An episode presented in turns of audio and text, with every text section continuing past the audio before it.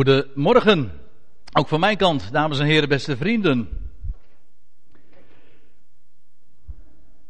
Ja, mijn broer heeft al het een en ander over een tuin verteld en alles wat daarin groeit en bloeit en we gaan daar gewoon nu in deze studie mee verder. We gaan het hebben over de Hof. De Hof van Ede en alles wat daarin heeft plaatsgevonden. En ik heb het als titel meegegeven: De slang in de hof. Ik had het nog een kortere titel mee kunnen geven. Dan had ik gewoon gezegd: De tuinslang. Dat had ook gekund. Maar dat wekt dan toch weer wat andere associaties op, natuurlijk. Want je hebt natuurlijk allerlei soorten slangen. Je hebt cobra's en je hebt boa constrictors. Maar je hebt ook de tuinslang. En als we het hebben over de slang. Waar trouwens Genesis 3 het ook over heeft wel, dat is inderdaad die slang in de hof. En wat is daar eigenlijk uh, zo eigenaardig aan? En wie is die slang? Wat zit daarachter? Ik moet erbij zeggen, het is wel een heel tricky onderwerp. Want er is al ongelooflijk veel, zal ik een heel goed woord in dit verband gebruiken, geduvel over geweest. Hier ziet u een hele verzameling, hele nette, orthodoxe, steile, Calvinistische broeders. Het is de gereformeerde synode van 1926 samengekomen in Assen. En die hadden een hele belangrijke kwestie te bespreken. Namelijk de kwestie Geelkerken. Een dominee, een dokter was het trouwens ook. Dokter J.G. Geelkerken. Dit is die man. Ja, deze. Daarnaast staat Charlie Chaplin. Uh, oh nee, dat is uh, Chaplin. Je zou het haast zeggen, maar dat is, het is hem niet. Maar deze dokter Geelkerken die had ooit een keer een preek gehouden, ik meen in 1924. En dat ging ook over Genesis 3, waar we het vanmorgen dus ook over hebben. En toen had een ene broeder Marinus in de kerk gehoord dat die dokter Geelkerken, de, de predikant, eh, toch wel een beetje rare dingen zei. Of in elk geval had hij het idee dat Geelkerken betwijfelde dat het echt allemaal zo gebeurd was als het daar vermeld wordt. Nou, heeft de slang echt gesproken, ja of nee? Daar ging het over. Nou, dokter Gilkerke, die heeft, uh, die heeft uiteindelijk het onderspit moeten delven. Dat wil zeggen, hij is buiten het kerkverband geplaatst. Er is toen weer een nieuw kerkgenootschap. Ach ja, dat, zo gaat het in Nederland, u weet het hè. Heb je gewoon weer een nieuw kerkgenootschap. En een aantal predikanten zijn daar dus ook mee meegegaan. De hersteld gereformeerde kerk, dat is allemaal later weer gefuseerd. Waar, waarmee maar u weet het, bij kerkfusies krijg je, dan worden twee kerken één, maar in werkelijkheid krijg je drie kerken. Altijd. Zo gaat het altijd, hè? Want de twee kerken fuseren weliswaar, worden één, maar dus in beide kerken heb je een groep die het er niet mee eens zijn. En die dus gewoon achterblijven. En dan heb je dus in feite de gefuseerde kerk en de twee, uh, en twee groepen die gewoon niet met de fusie meegaan. Dan heb je drie kerken. Dus ja, over voortplanting gesproken. Hè? Vermenigvuldiging. Ja, nou, over deze hele kwestie zullen we het verder niet meer hebben. Want uh, het, uh, het ging uiteindelijk allemaal niet zozeer om de Bijbel. Het ging vooral over de kerkleer en over orthodoxie. En er speelden trouwens ook nog een heleboel psychologische factoren een rol. Want die geelkerken moest ook het veld ruimen, omdat het toch al een beetje een rebel was. En dan moet je een stok hebben om te slaan, weet u wel. Over Geelkerken en over de synode in Assen zullen we het niet meer hebben, maar over Genesis 3 gaan we het wel hebben.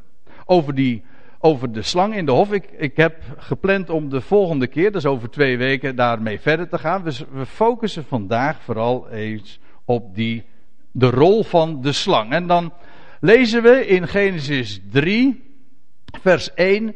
Er staat, de slang nu was het listigste van, ik lees uit de NBG-vertaling, maar als u een statenvertaling hebt, dan staat er, de slang nu was listiger dan. Let even op. Dat is een verschil, hè?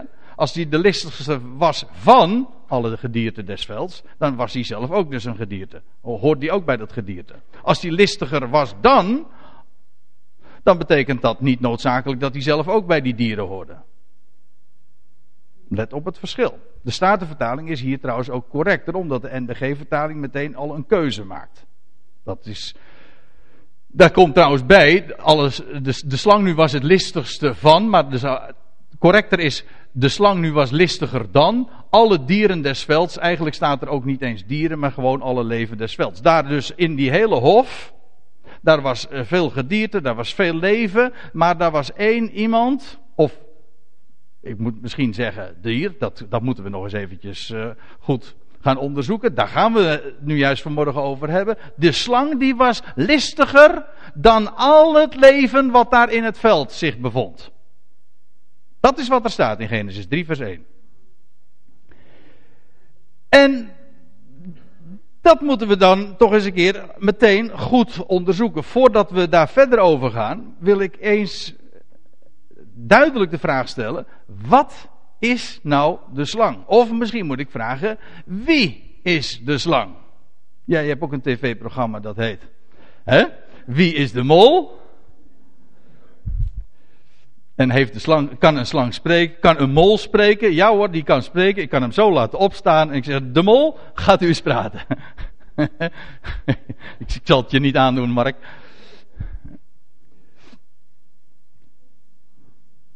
Maar wie is dan die slang? En dan zie je, alles in de schepping hangt met elkaar samen, maar dat is in, de, in het woord van God al niet anders. De slang komt namelijk iedere keer weer terug. Tot in het laatste Bijbelboek aan toe. In openbaring, in het, boek, in het laatste Bijbelboek, vinden we de, de slang weer opnieuw terug. En het, het is eigenlijk nog sterker.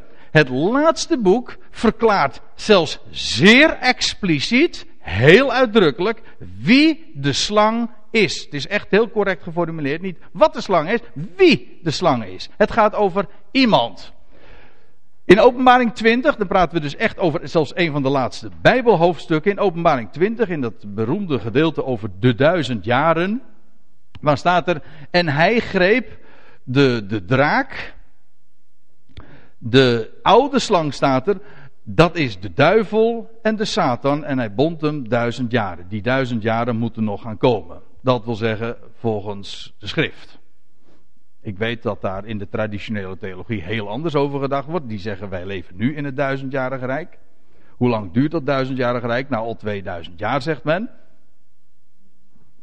Afijn, maakt niet uit, daar gaan we het ook niet, daar gaan we niet over hebben. Het gaat er eventjes om. Het, het karakteristieke is dat van die duizend jaren is dat de slang, de Satan, gebonden is. Men noemt het altijd het duizendjarig rijk, maar dat is niet correct. Dat suggereert namelijk alsof dat rijk uh, duizend jaren duurt. Nou, dat rijk duurt veel langer. Christus zal koning zijn in de duizend jaren, maar ook daarna. Wat duizend jaar duurt, dat is de binding van Satan. Want na die duizend jaren wordt hij voor een korte tijd nog weer losgelaten, et cetera. Dus je zou, als je correcte terminologie zou gebruiken, dan zou je, zou je zeggen, er is sprake van de duizendjarige binding van Satan. Voor het gemak noemen we het dan een duizendjarig rijk, maakt me niet uit. Maar het gaat er wel even om, om het even, als het er helemaal om gaat, om het scherp te stellen. Maar wie is dat dan? De duivel, de Satan. Duivel betekent trouwens gewoon degene die de dingen door elkaar gooit. Het Griekse woord daarvoor is diabolos. En dia betekent door. En bolos, dat heeft ons woordje bal nog mee te maken. Dat is gooien, werpen. Door elkaar werpen, door elkaar gooien. Dat is de duivel. Hij gooit de dingen door elkaar, een chaos maken. En de mensen daardoor ook, ook op een verkeerd spoor zetten. Door elkaar gooien. Satan is een Hebreeuws woord, dat betekent tegenstander. Als je die woorden even terugbrengt naar, zijn, naar, naar hun grondbetekenis, dan wordt het ineens ook een stuk duidelijker. Want uh, begrippen als Satan en duivel, wij weten niet meer goed wat het betekent. Mede ook doordat we ja, het associëren misschien met hele mythologische dingen, met, met dingen die we hebben meegekregen vanaf van de zonderschool, maar die niet strikt bijbels zijn. Daar gaat het om. Goed, we hebben het dus over de diabolos, degene die door elkaar gooit. De Satan, wie is dat dan? Nou, dat, hij, hij wordt hier aangeduid met vier namen. Hij heet de draak. En wat is het kenmerk van een draak, althans in de Bijbel? Dat hij meerdere koppen heeft. Van in open boek, openbaring is dat sowieso duidelijk, want daar vind je eh, de draak die heeft zeven koppen. En tien horens, et cetera. Nou, De draak. En, maar hij wordt niet alleen de draak genoemd, maar ook de oude slang. Oud betekent niet, in de, betekent niet van dat, hij, dat hij al grijs is en dat, het, dat hij al uh, inmiddels bijna doodgaat. Nee, oud wil eigenlijk gewoon zeggen de, de originele, van ouds, de, de archaïsche. Ons woordje archaïs komt trouwens ook van het, dit Griekse woord wat hier gebruikt wordt. De, de oorspronkelijke slang. De slang van den beginnen. De slang die we al tegenkomen in het eerste Bijbelboek, wat zeg ik, in de eerste hoofdstukken van de Bijbel. Die slang. Wel, hij heet de draak, de oude slang, dat is de duivel, de Satan. Dan weten we meteen over wie we het hebben. Hij heeft allerlei benamen, benamingen. En het is niet alleen maar zo dat hij ooit de slang was. Hij is nog steeds de slang. En straks heet, is die ook nog steeds een slang. We komen hem trouwens in uh, openbaring 12 wordt een, iets soortgelijks gezegd. Twee getuigen vinden we daar sowieso al in het boek openbaring over de identiteit van de slang. Gewoon heel uitdrukkelijk. Zonder, zonder dat je hoeft te verklaren. sterker nog, dat is de verklaring. Deze teksten, zo'n tekst hoeft geen uitleg. Het is de uitleg. Daar staat, en de grote draak, werd op de aarde geworpen. De oude slang, die genaamd wordt duivel, diabolos en Satan, tegenstander, die de hele wereld verleidt. Zo, juist had mijn broer Dirk het over de positieve betekenis van verleiden. En dit is de negatieve, negatieve betekenis van verleiden. Op het verkeerde spoor zetten. Het verkeerde been zetten. Zodat de mensheid op het verkeerde paard werd. Paard, het verkeerde beest bedoel ik. Hè? Ja. En dan vind je trouwens later in het boek openbaar, uh, in datzelfde hoofdstuk 12 nog een keertje. Want daar lees je over de vrouw. Het is allemaal uh, symbolische taal wat je in, in, in deze hoofdstukken van openbaring aantreft. Maar niettemin heel duidelijk, want het wordt namelijk ook nog verklaard. Dat is het, het mooie van de symboliek in de Bijbel. De Bijbel verklaart ook daarin zichzelf. En dan, dan lees je in dat openbaring 12, ik ga op de details uiteraard niet in. Het gaat me om het specifieke punt van die slang. Want dan lees je over de vrouw, dat is Israël, en die zal in de eindtijd, uh, om het vegenlijf te redden, vluchten naar de woestijn en daar heeft ze een plaats van God bereid. We hebben het er een andere gelegenheid al wel eens over gehad. Namelijk de. Ja, de, het is de plaats in de woestijn die we in, in, uh, tussen Eilat en de Dode Zee tegenkomen, de stad Petra. Daar wil ik het ook niet over hebben. Het gaat er even om. Israël zal een, een veilig onderduikadres vinden. En dan staat er, en zij, zij wordt daar onderhouden. Uh, voor een tijd, tijden en een halve tijd. Dat wil zeggen drieënhalf jaar, zeg ik, 42 maanden. Of als je het nog anders wil hebben, 1260 dagen. Maar reken maar uit, het is allemaal hetzelfde. Maar let op, daar staat er buiten het gezicht van de slang. Wie was de slang? Dat is de draak, dat is de duivel, dat is de Satan, de tegenstander. Zie je? Hij heet, hier, hij heet in het boek Openbaring nog steeds de slang. Het is dus niet zo van dat de, de slang in het boek Genesis ooit eens een keertje zich zo heeft voorgedaan. Nee, hij hij vermomde zich niet als slang. Ik zal straks zelfs het, tegenovergestelde zeggen. Hij is de slang. En overal waar de Satan verschijnt, dan kun je ook zeggen het is de duivel. Je kan ook zeggen het is de draak. Maar je kan ook gewoon zeggen de slang. Dus op het moment dat de duivel spreekt, dan spreekt de slang dus gewoon. Het is namelijk zijn naam. Ziet hij er dus uit als een slang? Nou, laat ik een ander voorbeeld geven. Openbaring 5. Daar lees je, ook in een schitterend gedeelte, en een uit de oudste van die 24 ouderlingen lees je daarover, die zeiden tot mij, wee niet, zie, de leeuw uit de stam van Juda, de wortel Davids, die heeft overwonnen. Over wie gaat het hier? De Heer Jezus Christus. Hoe heet, hoe heet hij? Een van zijn namen is de leeuw uit de stam van Juda. Ziet hij eruit als een leeuw? Nee, maar nee, hij is de Messias, maar hij vervult de rol van de leeuw. Namelijk de koning der dieren. Nou, er is nog wel meer over te zeggen. We zullen er straks trouwens ook nog even over hebben. Maar hij is de leeuw. Trouwens, hij is niet alleen de leeuw. Want als er hier gezegd wordt, wee niet, zie de leeuw uit de stam van Juda, de wortel Davids, die heeft overwonnen. En als Johannes dan kijkt, wat ziet hij dan? Ziet hij een leeuw? Nee. Lees maar verder. En ik zag in het midden van de troon en van de vier dieren en te midden van de oudste een lam staan. Als geslacht. Ja, een geslacht lam, dat stond. Dat kan maar één ding betekenen, die dat lammetje is opgestaan. Want normaal gesproken is een lammetje dat geslacht is, dat ligt. Dood. Maar dit lammetje is geslacht, maar het staat. Dat wil zeggen, het is opgestaan. En daarom is het trouwens ook de leeuw uit de stam van Juda, namelijk de overwinnaar. Hij heeft overwonnen. En het gaat hier uiteraard over de Heer Jezus Christus, die er niet uitziet als een leeuw, ook niet uitziet als een lammetje. Het is, maar het is wel zijn naam. Zoals het ook de naam van Satan is, dat hij de draak heet of de slang. Goed. Ik ga even verder in Genesis 1. De slang nu was listiger dan alle leven des velds dat de Heere God gemaakt had. Hey. Er is heel veel gefilosofeerd en getheologiseerd over de oorsprong van de slang. Waar komt die vandaan? En u kent ongetwijfeld de theorie dat hij eerst een engel was, in volmaaktheid geschapen, en toen ging het mis. Toen ging, viel hij in zonde. Dat, was, dat wil zeggen, in het begin was het allemaal goed, en later werd hij, kwam hij tot zonde. Dat wil zeggen, later pas werd hij de slang.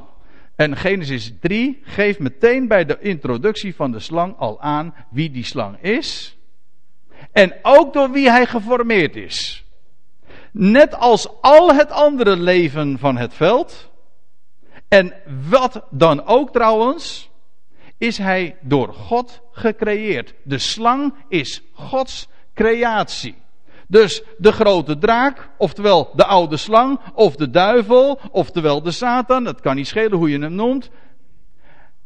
Hij is gemaakt, hij is een creatie van de Heere God zelf. Dat vinden we ook elders in de Bijbel. Nou gaan we zomaar weer een heel aantal boeken uh, passeren we in, in de Bijbel en dan komen we in het boek Job terecht. En daar vinden we sowieso heel veel vermeld, ook over de schepping. Maar dan staat in Job 26, vers 13. Door zijn geest, dat wil zeggen, gaat het over Gods geest. Door Gods geest dus, heeft hij de hemelen versierd. En zijn hand heeft de lang wemelende slang geschapen.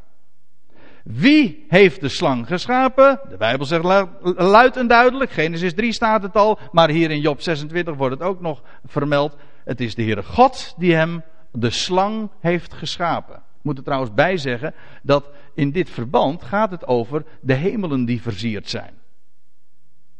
Oh, en over, over de, de sterrenhemel ook. En ik zal u vertellen dat de slang aan de sterrenhemel een prominente rol speelt. Maar dan hebben we het over sterrenbeelden. Maar ook die heeft God, de Heere God gemaakt. Je leest in, in de psalmen dat de Heere God de, alle sterren bij namen noemt. Maar niet alleen de sterren bij namen noemt, maar ook de groepen sterren namen heeft gegeven. De Orion, de grote beer enzovoorts. Dat is trouwens niet eens de correcte, maar goed. Ook groepen sterren hebben namen. En een naam kan je gewoon uitschrijven. Je kan er ook gewoon een pictogrammetje van maken. En dan heb je een sterrenbeeld. Dan krijg je bijvoorbeeld een groep sterren, die noemen we, die heet dan maagd. Nou, die kun je uitbeelden als een, als een maagd dus. Maar de slang, dat pictogrammetje zal ik maar zeggen, al sinds duizenden jaren, want die sterrenbeelden die zijn gewoon door de Heere God zelf gemaakt hoor. Hij heeft de sterren en de sterren, sterren, groepen sterren bij namen genoemd. En de slang speelt een hele prominente rol aan het hemelruim. En ik zal u een paar voorbeelden geven. Het zijn niet al te duidelijke plaatjes, maar dit is een van die 48 sterrenbeelden. Ja, ik dacht dat er maar 12 waren, maar er zijn er nog 36 meer. Die al duizenden jaren oud zijn. Hier wordt de slang bedwongen. Je hebt ook nog eh, de, dit is het sterrenbeeld die dan tegenwoordig Hercules heet. Daar wordt de slang overwonnen. Let trouwens op de hiel. De hiel die verwond is. Ja, daar zit een hele verhaal aan vast. Ik, ik, ga dat nu niet vertellen. Het gaat er mij alleen maar even om dat de Heere God de, hemel, de hemelen heeft versierd. En daar allemaal plaatjes aan heeft gezet. Allemaal pictogrammen, allemaal beelden. En die, wat ze uitbeelden, wel is gewoon Gods heilswerk. Heel de, de, de hele schepping, zoals we zojuist broer Dirk ook nog zei, dat alles wat adem heeft loven de Heer. Jawel, maar ook de hemelen vertellen Gods eer hoor. En van niemand anders. En al die plaatjes, al die beelden, al die namen, die, die vertellen een verhaal. Namelijk dat de slang bedwongen en overwonnen wordt. Wat zal ik, zal ik nog eens wat anders zeggen? Het laatste sterrenbeeld, de leeuw. Want het begint allemaal bij de maagd en het eindigt bij de leeuw. Denk daar ook eens over na. En het eindigt bij de leeuw en dan lees je dan dat de slang onder de voet terecht komt van de leeuw. Ja, dat is dan de overwinnaar.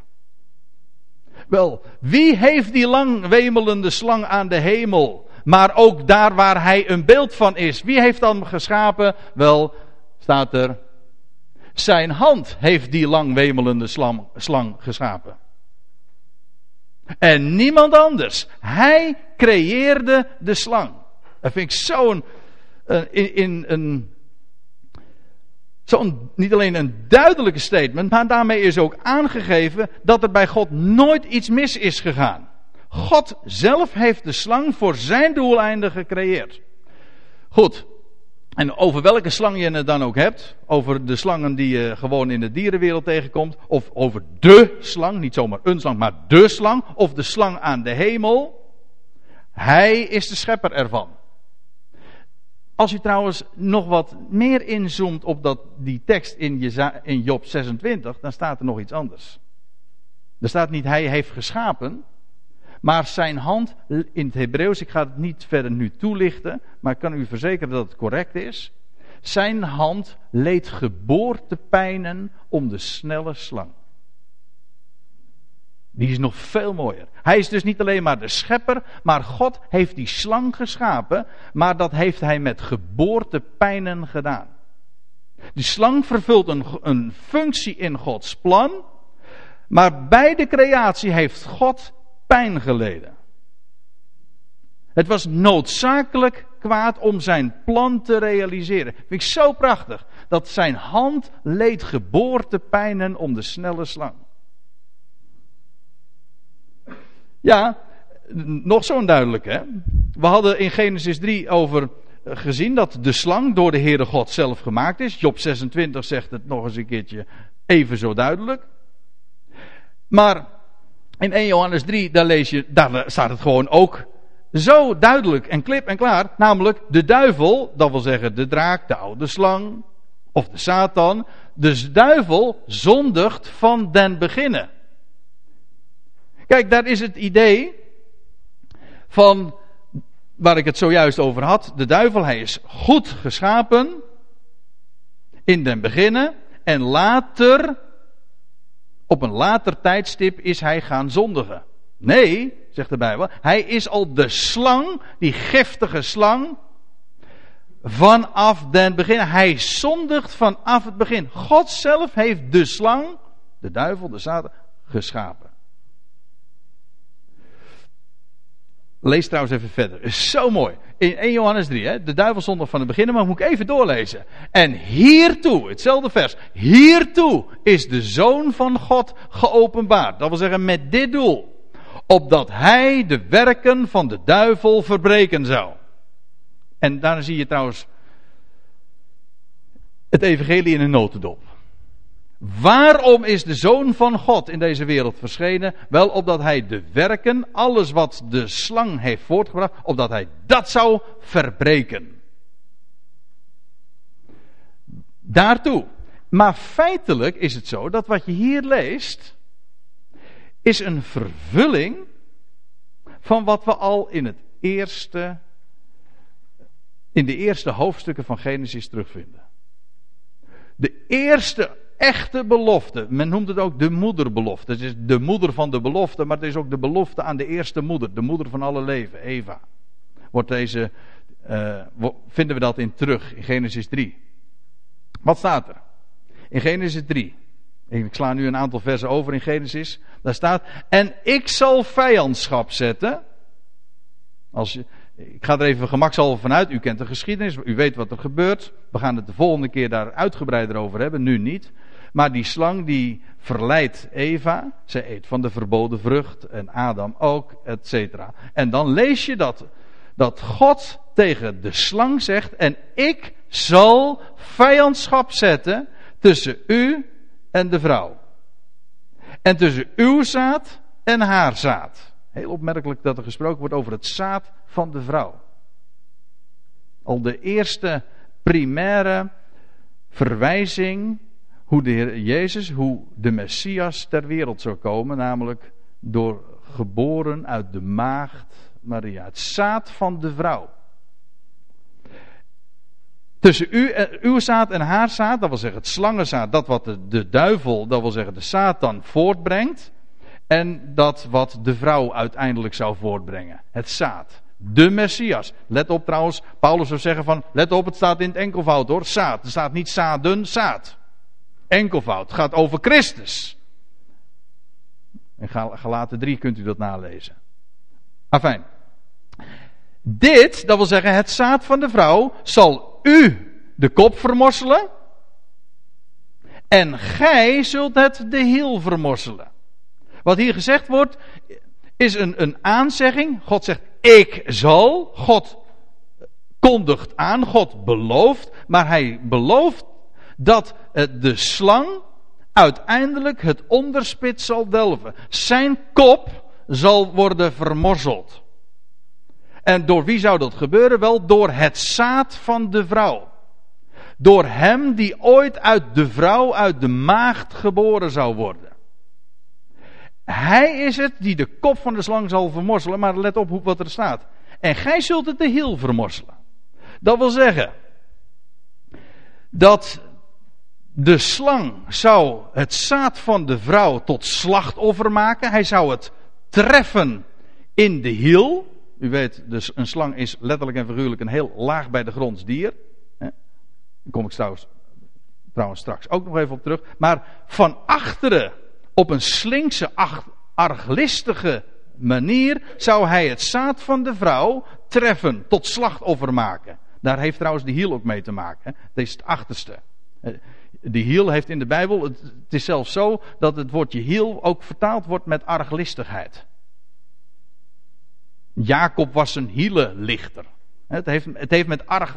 Ja, daar zit ook nog meer aan vast, dat weet ik. Maar het heeft in elk geval ook de betekenis van arglistigheid. En de slang zou. Eh, u begrijpt hopelijk toch ook wel dat als we het hier over de slang hebben, hebben we het niet meer over een beestje zoals je dat tegenkomt in de artis. Nee, dan hebben we het over de Satan. Over een geestelijke macht die aangeduid wordt met de slang. En als we het hier over de kop van de slang hebben die vermorzeld wordt, dan praten we over de, over de overwinning op de Satan. En als we het hebben over dat, die, dat het zaad van de vrouw in de hiel, de, de hiel daarvan vermorzeld zou worden, dan gaat het niet over een letterlijke kop, dan gaat het niet over een letterlijke hiel, maar over dat wat het uitbeeldt. Wel, het zaad van de vrouw, de Messias, zou getroffen worden. Zou, hij zou een slachtoffer maken. Namelijk de slang. De, uh, zou de Messias treffen. En uh, gij zult het de hiel vermorselen. Maar juist op die manier zou het zaad van de vrouw, de Messias, de overwinning behalen.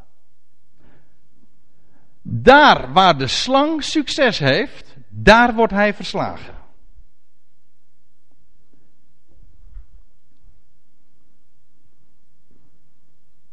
Kijk, de slang die maakt een slachtoffer. Dat wil zeggen, het zaad van de vrouw maakt hij tot slachtoffer. Op een arglistige wijze treft hij die. Dat is het vermosselen van de hiel. Maar juist dat is ook de plek waar zijn kop wordt vermorzeld. Dus, gij, het zal u de kop vermorselen en gij zult het de hiel vermorselen. Dus op dezelfde plaats waar hij het treft, juist daar wordt hij ook overwonnen. Daar wordt zijn kop vermorzeld. En dan weet u waar ik daar nou moet denken? Wat je leest in, in Johannes 19.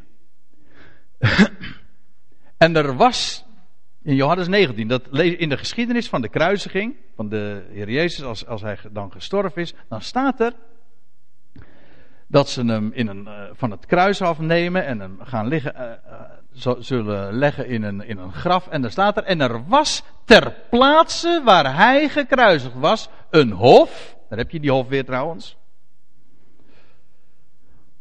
En in die hof een nieuw graf. En daar wordt de Heer Jezus ingelegd. En drie dagen later zou hij daar dat graf definitief leeg achterlaten en de steen zou worden weggewenteld. Definitief en daarmee is de dood overwonnen. Maar let op wat er gebeurt. Dus ter plaatse waar hij gekruisigd was, dat wil zeggen, ter plaatse waar het zaad van de vrouw getroffen was, gemaakt was tot slachtoffer. Daar, op diezelfde plaats, daar wordt ook de kop van de slang vermorzeld. Want hij stierf, dat is het vermorzelen van de hiel. Maar op diezelfde plaats, drie dagen later, zou de kop van de slang vermorzeld worden, daar in de hof van Arimathea. Daar in die tuin. En daar werd de steen weggewendeld en daar overwon hij de dood. De dood is nog daarmee niet niet gedaan, dat is nog toekomst. Maar de dood is in principe overwonnen. Dus de, de hiel van het zaad van de vrouw is inderdaad vermorzeld. En men, de Satan behaalde, dacht hij, daarmee de overwinning.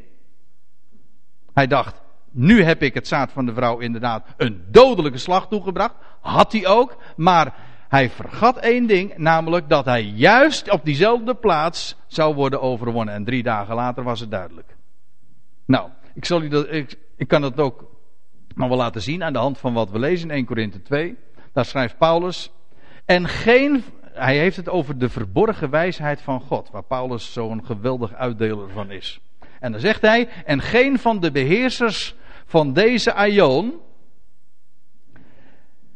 heeft van haar geweten. Dat wil zeggen, de, de, al die heersers over, de, over, de, over deze boze aion, die heeft geweten van Gods verborgen wijsheid. En dan staat erachter. Want indien zij van haar geweten hadden, dan zouden zij de Heere der Heerlijkheid niet gekruisigd hebben. En dat ligt helemaal in de lijn met wat ik zojuist ook naar voren bracht. Namelijk, zij de slang dacht de dodelijke slag toegebracht te hebben en daarmee de overwinnaar te zijn toen hij, toen de Heer Jezus gekruisigd werd. Toen trof hij het in de hiel, toen maakte hij het slachtoffer, maar in werkelijkheid werd dat zijn dodelijke, werd dat zijn eigen einde. Want namelijk op diezelfde plaats, drie dagen later, moest hij zelf het onderspit delven. Als hij dat geweten had, die, die truc van God, want God is ook listig, als ik het even zo mag zeggen. Nog veel listiger zal ik maar zeggen. Verborgen wijsheid van God, dat is de truc van God, door juist op die wijze de slang te overwinnen. En God had dat al aangekondigd in de Hof van Eden. En, zo, en hiertoe is de Zoon van God geopenbaard, omdat hij de werken van de duivel zou teniet doen. Ja, dat is nog wat mooie. Hebreeën 2. Daar staat er, opdat hij door zijn dood hem die de macht over, maar dat moet u doorkrassen hoor, als u dat al niet gedaan hebt. In de MBG-vertaling staat er het woordje over. Maar dat, dat staat er niet. Dat hoort, als u het in het Griekse, de, de Griekse tekst ervan bekijkt, dan staat er van. Dat is een heel verschil. De Satan heeft namelijk niet de macht over de dood. Dat heeft de Heer Jezus Christus. De Satan heeft alleen maar de macht van de dood. Dat wil zeggen, hij, de dood is zijn wapen. Hij moordt. Hij, zijn macht is dood. Doodmaken. Als je de macht hebt over de dood, dan ben je sterker dan de dood. Dat is niet. Hij, de dood is zijn wapen. Hij maakt dood. En daarom heeft hij de macht van de dood. Maar de Heer Jezus Christus is juist door te sterven, door de dood. Hij stierf, ja, maar juist door te sterven kon hij ook opstaan uit de doden en daarmee de dood overwinnen. Je kunt alleen maar opstaan uit de dood als je eerst sterft. En daarom stierf de Heer Jezus. Namelijk om op te kunnen staan en zo de dood te overwinnen. En zo hem die de macht van de dood had, de duivel namelijk, of de slang, of hoe u hem ook maar noemen wil, want hij heeft een heleboel namen, zo te overwinnen en te onttronen. Ja, dan gaan we verder. Want ik wil nog wat meer zeggen ook over die, die betekenis van de slang. Want het Hebreeuwse woord dat is nagash. U zegt dat zegt me niet zoveel, nee, dat, dat maakt ook niet uit. Maar eh, de grondbetekenis van dat woord is schijnen. Het woord nagash betekent namelijk nog iets anders. Namelijk koper. Maar dat is ook weer verwant als je eenmaal weet dat de grondbetekenis blinken of schijnen is. Want koper blinkt. u weet, het is niet alles goud wat er blinkt. Koper blinkt ook. Je hebt mensen die gek op goud zijn enzovoort, maar die het niet kunnen betalen in hun huis. En wat doen ze dan? Zetten ze in hun huis dan? Ja, alles is koper, weet je wel. Dan blinkt alles, maar het is koper. Ja, ik ken van die liefhebsters van, van koper. Dat is mooi. Maar trouwens, het is heel grappig. In het Hebreeuws is koper en, en, en slang. Dus uh, dat zijn eigenlijk dezelfde woorden. Dezelfde stam is dat. Want je vindt in de Bijbel ook nog de koperen slang. Ja, en dan zie je dus in het Hebreeuws dit. Hier staat twee keer hetzelfde. De koperen slang in nummer 17. Twee keer die nagash. Ja, ja, over, die, over die, die slang zullen we trouwens zo meteen ook nog even hebben, want daar moeten we natuurlijk mee afsluiten. Waar het echt een, een beeld van is. Maar het gaat me nu even om die betekenis van het woord slang. Slang, eh, dat, is de, dat is degene die schijnt, die licht geeft, die doet blinken. En vandaar heeft het nog een betekenis in het Hebreeuws. Het Hebreeuws is, is zo'n zo'n schitterende taal. Het is net alsof die taal van de overkant komt betekent het woord Hebreeuws ook hoor. Hebreeuws betekent van de overkant. Of van de overkant. Het is de, de taal van God zelf. En, en in, in die taal zit zoveel verborgen. Want dat woordje nagas, dat betekent dus, heeft ook de betekenis van koper. Maar ik zal je nog wat zeggen, het betekent ook waarzeggerij. Dat is, ook, dat is allemaal dezelfde stam. Maar in waarzeggerij wordt ook, dan zie je ook dingen blinken. Dan schijnen ook allerlei dingen dan schijnt de waarheid. U weet het, hè? Dan lijkt, dan lijkt het, dat schijnt allemaal waar te zijn. Dan wordt er waar gesproken. Het schijnt ook waar te zijn, maar het is niet waar. Ik leer van de week. Uh, ja, het was afgelopen dinsdag. Het was de eerste dag dat het bord uh, stond. Op de A4. En u hebt er ongetwijfeld ook over gelezen. Maar er staat een groot billboard. Daar vlakbij dat brugrestaurant. En op dat billboard staat de tekst: Waarschijnlijk bestaat God niet. Heb je het gelezen? Er is nogal wat uh, commotie over geweest. Waarschijnlijk bestaat God niet. Wat stond eronder? Uh, denk zelf na en geniet van het leven. Nou, ik denk bij mezelf, uh, als God er niet is, wat valt er dan nog te genieten? Dat betekent namelijk dat het bestaan dus zinloos is. He, dan zijn we niet bedacht, zoals we zo, uh, al eerder in deze morgen met elkaar overwogen. Dat betekent dus volstrekt alles zinloos is. Onbedoeld. Dan eindigt, begon het met een knal en dan eindigt het in duisternis. Geniet van het leven, nou zeg. Maar eigenlijk, zat ik te denken, heeft dat bord nog gelijk ook. Want waarschijnlijk bestaat God niet. Het heeft inderdaad alle schijn tegen. God houdt zich nu ook bewust verborgen. Maar u weet wat de Engelsen altijd zeggen: Nothing is what it seems. Niets is wat het schijnt te zijn. En dat is met dit ook. Waarschijnlijk is God er niet. Nee, maar hij is er wel. En het is net als met, uh, met goede detectives. Trouwens, in de wetenschap is dat ook zo. De waarheid is nooit waarschijnlijk. Als je een detective leest en je denkt in het begin van, oh dat zal hem wel zijn, geheid dat het hem niet is. En in de wetenschap, altijd bij grote ontdekkingen, dat, uh, dat, ze, dat blijken dan altijd hele schokkende waarheden te zijn. Want men achtte dat voorheen altijd volstrekt onwaarschijnlijk. Maar, het blijkt, maar de wetenschap vindt juist voortgang doordat onwaarschijnlijkheden toch waar blijken te zijn. God, waarschijnlijk is er God er niet. Nee, denk ik dan. Waarschijnlijk niet, nee. Hij is er nou gewoon. Nee, dat is zeker. Ja, maar goed, uh, over die schijn. Hè? Dus dan zie je in wezen, uh, die slang heeft dus nog alles met waarzeggerij ook te maken. Hij doet zich voor, blinkend voor. Ja, want dat is leuk. Moet je ze in openbaring, nee, in 2 Korinthe lezen. 2 Korinthe 11, daar, daar heeft Paulus het ook over de Satan en over hoe die zich voordoet. Dan zegt hij, ja, geen wonder ook. Immers, de Satan zelf, net als zijn, zijn, zijn personeel zal ik maar zeggen. De, immers, de Satan zelf, die doet zich voor als een engel des lichts. Weet u wat er staat in het, in, in, in het Grieks? Daar staat eigenlijk een woordje dat betekent uh, transfigureren. Als u de Statenvertaling hebt, dan staat er van, de, de Satan verandert zich als een engel des lichts. Hij is Satan, hij is de draak, hij is de slang, maar zo doet hij zich niet voor. Nee, hij doet zich in blinkend licht voor hij, hij verschijnt, hij, zijn gedaante, zij verschijnt als een, als een boodschapper van licht, van blinkend licht. Zo verschijnt hij. Hij is Satan. Ja. Maar hij doet zich voor als een engel des lichts. Dus heeft de slang gesproken in Genesis 3? Ja, wis en waarachtig. Heeft hij zich vermomd als een slang? Nee, hij is het.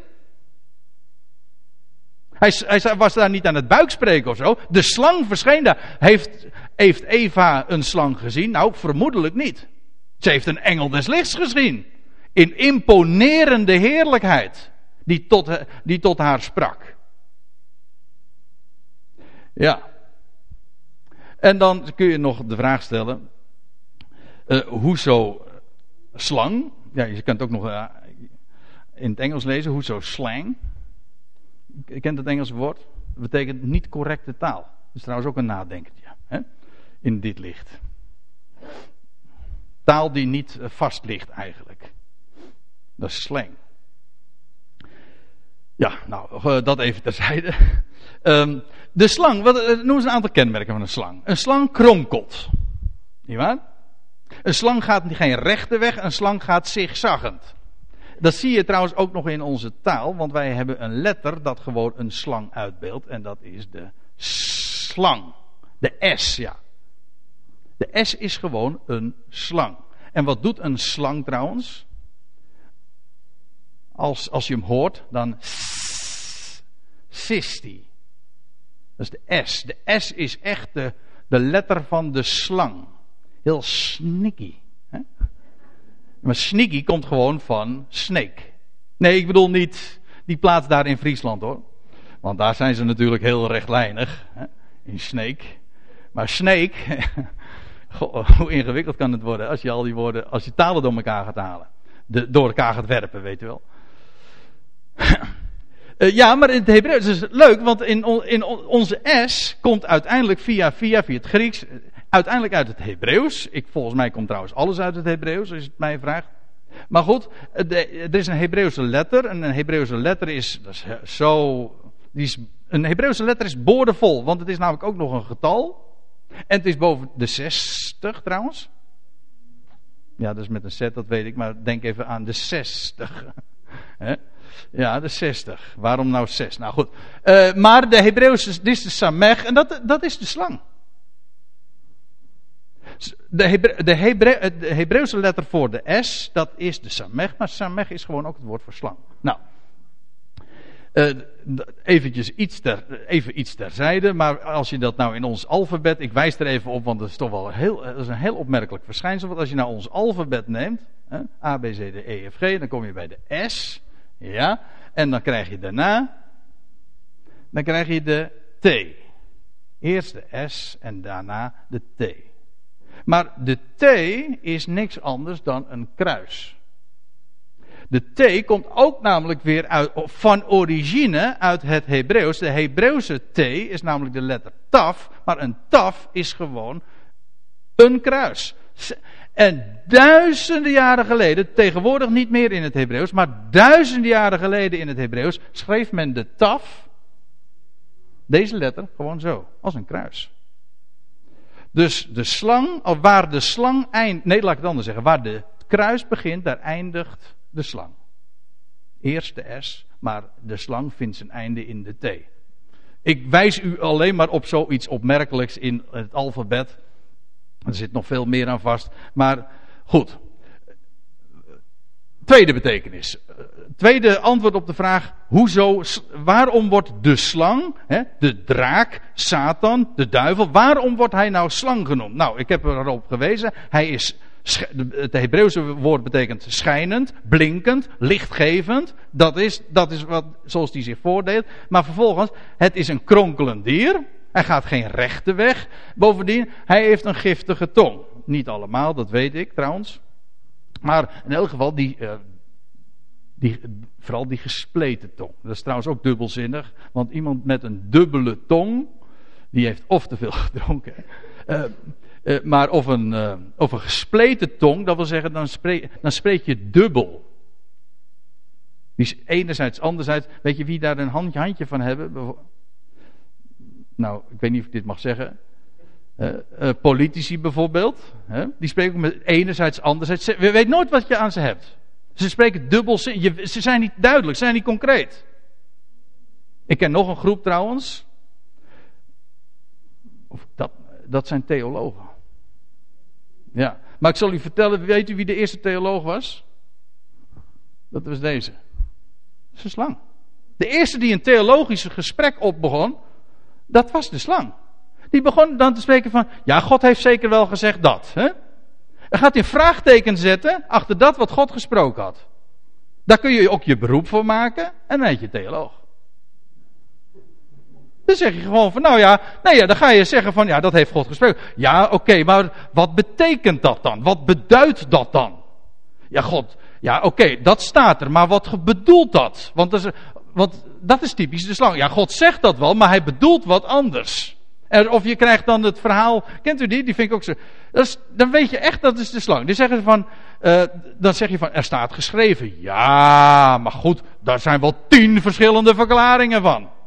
Nou, dan heb je dus de dingen door elkaar gegooid. Dan weet je dus niet meer waar je het over hebt. Dan denk je van ja, hallo, daar word ik niet wijzer van. Gauw dat boek dicht doen, want het brengt me toch, zet me toch alleen maar op een verkeerd spoor. En dat is wat theolo theologen doen. Die zeggen van ja, uh, er zijn vele verklaringen van. Het is ook zelden dat iemand, nou ik weet niet of ik het zo mag zeggen. Maar goed, we zijn onder elkaar. Het wordt toch niet opgenomen. um, ik, ik, nou, nou, laat ik het anders zeggen. Dat zijn, niet, dat zijn niet mijn eigen woorden. Iemand die zelf theologie gestudeerd had. En die zei, na afloop. Hij mocht een, een soort van feestelijke speech houden. Hij had geloof ik ook zijn bul behaald. En hij zegt, ik heb de theologiestudie ten einde gebracht. En ik heb het geloof toch behouden. Ja, dat, dat is een geweldig godswonder. Echt waar. Want ja, dat is, Goed, we hadden het over die gespleten tong. Dat is karakteristiek voor de slang. Hm? Over, over de methodieken van de slang, daar gaan we het de volgende keer ook nog over hebben. Uh, in het vervolg over Genesis 3. Maar hij heeft dus een gespleten tong. Hij is ook een mensenmoorder. Ja, of hij dat nou doet met zijn tong of wurgslangen. Maar het is een mensenmoordenaar. Zulke borden zie je hier in Nederland niet, dat weet ik. Maar als je in Afrika of in Zuid-Amerika bent, dan staat er van... Achtung, levensgevaar, slangen. Uh, snakes, ja. Ja, is een mensenmoorder. Zo wordt de slang ook genoemd. Hè? Hij heet de leugenaar van den beginnen, maar hij is ook de mensenmoorder van de beginnen. Hij maakt slachtoffers dodelijk, dodelijk gevaar. En dan uh, de vierde associatie. Ik zeg niet dat ik compleet ben, maar ik noem zo de vier belangrijkste associaties van eh, de, de, de, de linken zeg maar, tussen Satan en een slang. Wel, hij gaat op zijn buik. En dat is in de Bijbel altijd een beeld van vernedering. Ik zei al, de slang is een heel laag bij de grondsdier. Letterlijk. Hij gaat op zijn buik. Maar in de Bijbel is op je buik gaan eigenlijk uh, een beeld van vernedering. Later in dit hoofdstuk, Genesis 3, daar staat er nog, daarop, dat de Heere God de slang aanspreekt. Daarop zeide de Heere God tot de slang. Je praat niet tegen een bezie. Nee, je praat, hij praatte tegen Satan. Een van zijn namen is de slang. Hij zeide tot de slang: Op uw buik zult gij gaan en stof zult gij eten, zolang gij leeft. Maar in beide gevallen is het een uitbeelding van vernedering. Zoals die kop van de slang niet een letterlijke kop was en die hiel niet een letterlijke hiel was, zo is hier de buik ook niet letterlijk. Kijk in, in, in Psalm 44 bijvoorbeeld. Daar staat: Onze ziel is in het stof neergebogen. Door het stof gaan trouwens. Hè? Heb je weer zo'n uitdrukking? Door het stof gaan. Uh, onze buik kleeft aan de aarde. Nederiger kan het niet. Nou, dat is wat hier aan de, de slang wordt aangezegd. Op je buik zul je gaan, dus vernedering. En trouwens, dat, die andere uitdrukking, stof zult gij eten, dat is ook precies wat, uh, wat vernedering uh, betekent, of wat vernedering aanduidt. In het Engels is het uh, door het stof gaan, ik had het er al over, maar in het Engels is het is een hele bekende uitdrukking, bites the dust. Dat is iemand die, die de nederlaag heeft geleden. Ja, er is inderdaad ook nog een, een, een bekende popsong van Queen. Another, another one's bites the dust. Maar die uitdrukking betekent inderdaad, is een aanduiding van de nederlaag leiden. Wel, dat is precies wat de slang dus um, zal overkomen. Hier in Psalm 44 nog. Voor zijn aangezicht knielen. En dan wordt er gesproken over zijn vijanden zullen het, het stof likken, lekken. Dat staat er in de Statenverdaling. Dat wil zeggen stof eten. Bite the dust. De nederlaag. De nederlaag uh, ondergaan vernedering. Zowel die uitdrukking dus op uw buik zult gegaan en stof zult gij eten, is een aanduiding van de nederlaag. Oftewel dat zijn kop uiteindelijk ook vernietigd zal worden. Of zijn uh, vermorseld zal worden. Goed, zodat we, en nu gaan we naar uh, het einde toe. Zodat er sprake is en van de vernederde slang. Die zie je hier in Genesis 3. Dus zijn vernedering en zijn vermorseling, zijn definitieve lot, wordt, zal, wordt hier al aangekondigd. Ja? Maar ik zal u vertellen, de slang, ik ken nog een andere slang. En ik, hij is al even langsgekomen. Als een leeuw, als een lam. Maar ook al in dat plaatje dat u zag over die koperen slang, weet u wel? Die verhoogd werd. Dat is de verhoogde slang. En die slang, wie dat is, dat hoeven we helemaal geen. Uh, daar hoef je geen theologie voor gestudeerd te hebben, zal ik maar zeggen. Nee, daar, daar moet je gewoon geen uh, Johannes 3 lezen. Daar wordt gesproken, daar zegt de Heer Jezus tegen Nicodemus, tegen, tegen een theoloog trouwens.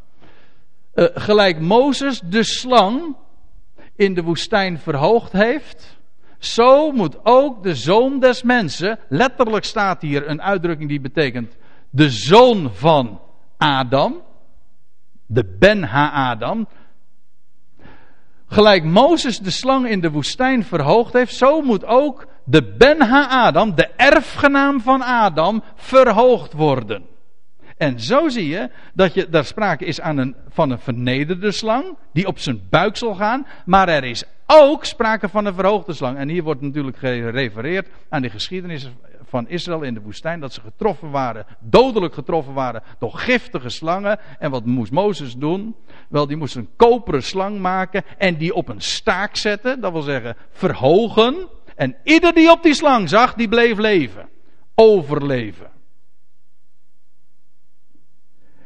Dat is de verhoogde slang. Een normaal gesproken, een slang staat niet, maar deze slang staat wel. Dat komt omdat hij overeind gezet is. Hij, hij is opgestaan. En dat is nu juist ook de verhoging. Die verhoogde slang, de verhoging van de zoon mensen duidt niet op het kruis, maar op wat er nakomt. Toen hij opgestaan is uit de doden en leven aan het licht bracht. En degene die daarop ziet, die ontvangt leven. Nu al. En uiteindelijk weten we dat die verhoogde slang er ook garant voor staat dat de dood volkomen niet gedaan zal worden, zodat allen zullen leven. Geen uitzondering daarop. Kijk, dat is blijde boodschap. Dat verkopen we niet. Daar hoeven we ook niet aan mensen te vragen. Dit zijn gewoon aankondigingen. God zegt, zo gaat dat. En die slang heeft God ooit al gemaakt. Ja, omdat hij de tweede, de verhoogde slang, al in het vizier had. God maakte de eerste Adam om de laatste Adam te laten triomferen. Zodat het hele verhaal gewoon helemaal, tot in het detail, klopt. Bij God klopt het inderdaad. Het is allemaal één geheel. Hij verkondigt van den beginnen de afloop. Ja, dan denk ik bij de verhoogde slang ook nog even aan deze. Dit is het Esculaap-teken. Dat is de verhoogde slang. Daar zit ook een verhaal aan vast, maar ik zal het u besparen, maar u weet dat dit het uitbeelding is van de geneeskunde. Terwijl de slang, die, de vernederde slang die door het stof gaat, een dodelijk dier is, is deze slang juist een, een aanduiding en een embleem van leven. Die je, en als je dodelijk getroffen bent, wel ontvang je hier nog het leven door. Vandaar ook dat het het embleem is van de geneeskunde zodat we hoe dan ook altijd Uiteindelijk, zelfs als we het over de slang hebben, kan het niet missen, komen we toch over de Heer Jezus Christus te spreken. En dan zeg ik, het allerlaatste, ja ja, er is een, het Hebreeuwse woord slang, daar hadden we het over. Dat is nagash. Ja, maar, ik zei al even eerder, Hebreeuwse letters, ja, dat zijn ook nog woorden, zijn feitelijk ook nog pictogrammen, maar het zijn ook nog letters. Um, pardon, cijfers. Deze, de, de N, dat, de, de, de, Nun, dat is de 50, de Get, dat is de 8 en de Shin, dat is de 300. Tel ze bij elkaar op, dan krijg je hier, hier staat dus een woord, jawel, maar er staat hier ook gewoon een getal. 358. En ik zei net, de Nagash verwijst uiteindelijk gewoon naar de verhoogde slang, dat wil zeggen de Mashiach, de Messias. En nou ga ik het Hebreeuwse woord voor Mashiach aanduiden. Hier staat Messias, Mashiach. En dat is de 40, de 300, de Jud, u weet het, een Jud is een 10. En de Get, dat is de 8. Tel ze bij elkaar op. 358. Ja, een 3 en een 5 en een 8. Waarom dat nou weer? Dat ga ik u niet, niet vertellen. Eén ding is nu even voldoende en dat is. De slang verwijst naar de Messias. De Nagash verwijst naar de Mashiach. De vernederde slang spreekt uiteindelijk van de verhoogde slang, van de overwinning, van de overwinning op de dood. Ja, we zijn hier inderdaad in, het voorjaar, mijn broer wees er al op en alles loopt weer uit. Ja, waarom nou in het voorjaar? Wel omdat ooit in die eerste maand, in de spring, ja ja, ooit in die tuin daar is de ellende ooit het geduvel begonnen, maar in de tuin is uiteindelijk ook de overwinning behaald. De steen werd weggewenteld en toen werd de garantie van Gods wegen afgeleverd aan deze mensheid, aan de mensheid, aan de hele schepping. De dood wordt teniet gedaan. Zie de verhoogde slang. In hem is het leven. Ik stel voor dat we daarvan zingen.